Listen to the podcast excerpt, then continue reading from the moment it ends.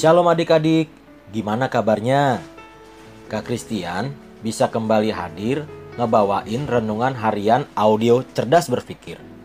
Semoga kita bisa sama-sama belajar demi kehidupan yang lebih baik lagi. Adik-adik, ada yang mau Kak Christian cerita ini? Cerita ini Kak Christian dapat dari salah satu channel Rohani Kristen di YouTube. Disimak ya. Ceritanya begini. Di sebuah pinggiran hutan, ada seorang pria yang sedang memperbaiki rumahnya. Nah, petang sore, si pria ini langsung pergi ke kamarnya untuk langsung tidur karena terlalu lelahnya memperbaiki rumah. Dan dia lupa membereskan peralatan bekerjanya di lantai, kayak paku, palu, pisau, dan lain sebagainya. Malamnya, ternyata ada ular masuk ke rumah yang sedang diperbaiki itu. Ketika sedang menjalar masuk, tubuh si ular tersebut lewat di atas sebuah pisau, dan itu membuat tubuhnya terluka karena tergores pisau. Si ular mengira bahwa pisau tersebut menyerang dirinya. Ular itu pun marah, lalu memagut pisau itu. Dan kalian tahu sendirilah, ya, pisau tersebut tidak kenapa-napa. Justru mulut si ular yang terluka. Si ular itu pun malah makin marah. Dia pun makin keras memagut pisau tersebut. Semakin keras dia melampiaskan kemarahannya, semakin banyak dan parah luka yang ular itu dapatkan. Mulutnya pun mengeluarkan banyak darah. Ular itu pun makin marah. Lalu ia melancarkan serangan terakhirnya yang paling hebat. Ya, si ular tersebut melilit pisau tersebut. Keesok paginya, si pria pemilik rumah kaget banget. Dia melihat seekor ular yang sudah mati, tergeletak di lantai dengan luka sobekan hampir di sepanjang tubuh bagian bawahnya. Di dekatnya ada pisau yang berlumuran darah.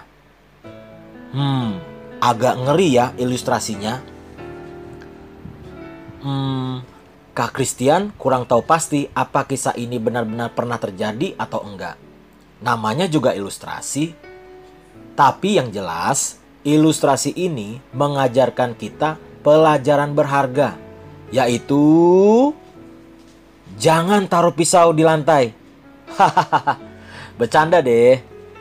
Eh, tapi emang bener kok. Kalau ternyata pisaunya tidak sengaja kita injak, gimana? Bahaya kan?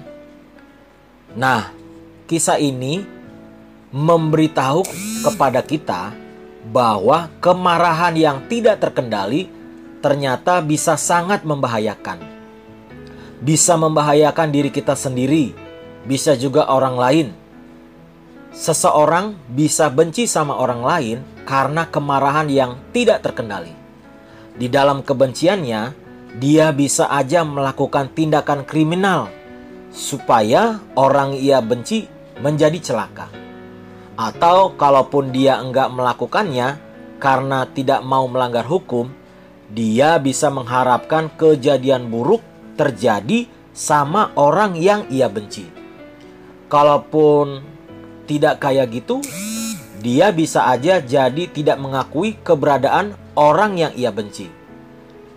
Tuhan aja mengakui dan menghargai keberadaan kita. Sampai-sampai ia mati di kayu salib. Kalau tidak segera diatasi, kemarahan yang tidak terkendali berlanjut kepada kebencian dan bisa merusak hidup kita.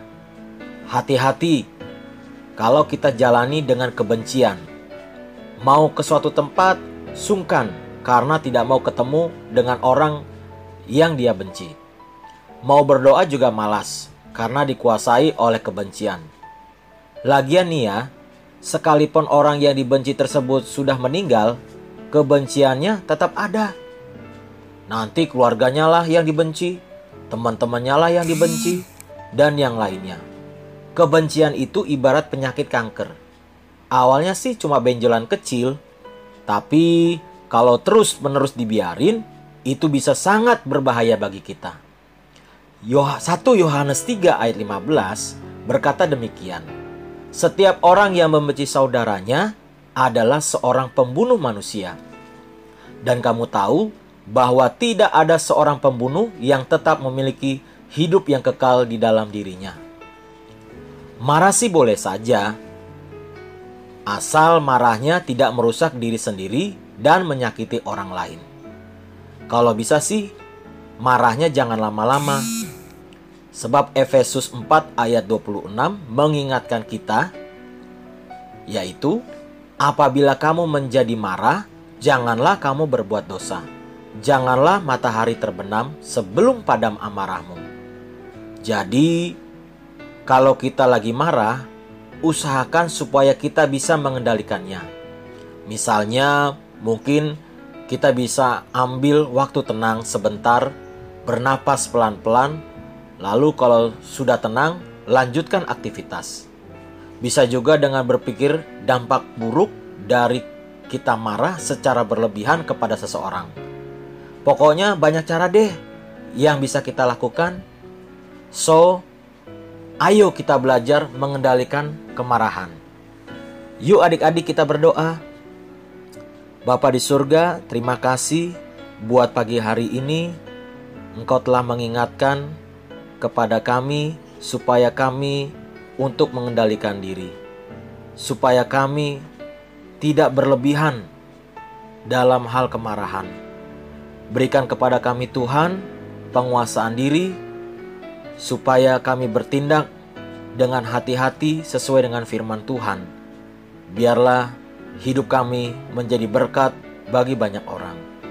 Mampukan kami ya Tuhan untuk kami bisa mengendalikan diri kami, menguasai diri kami. Agar namamu dipermuliakan di dalam hidup kami. Terima kasih Tuhan Yesus buat renungan pagi hari ini. Haleluya. Amin. Oke, tetap semangat dan tetap jadi berkat. Jangan lupa adik-adik, bahagia selalu. Tuhan Yesus memberkati. Dadah.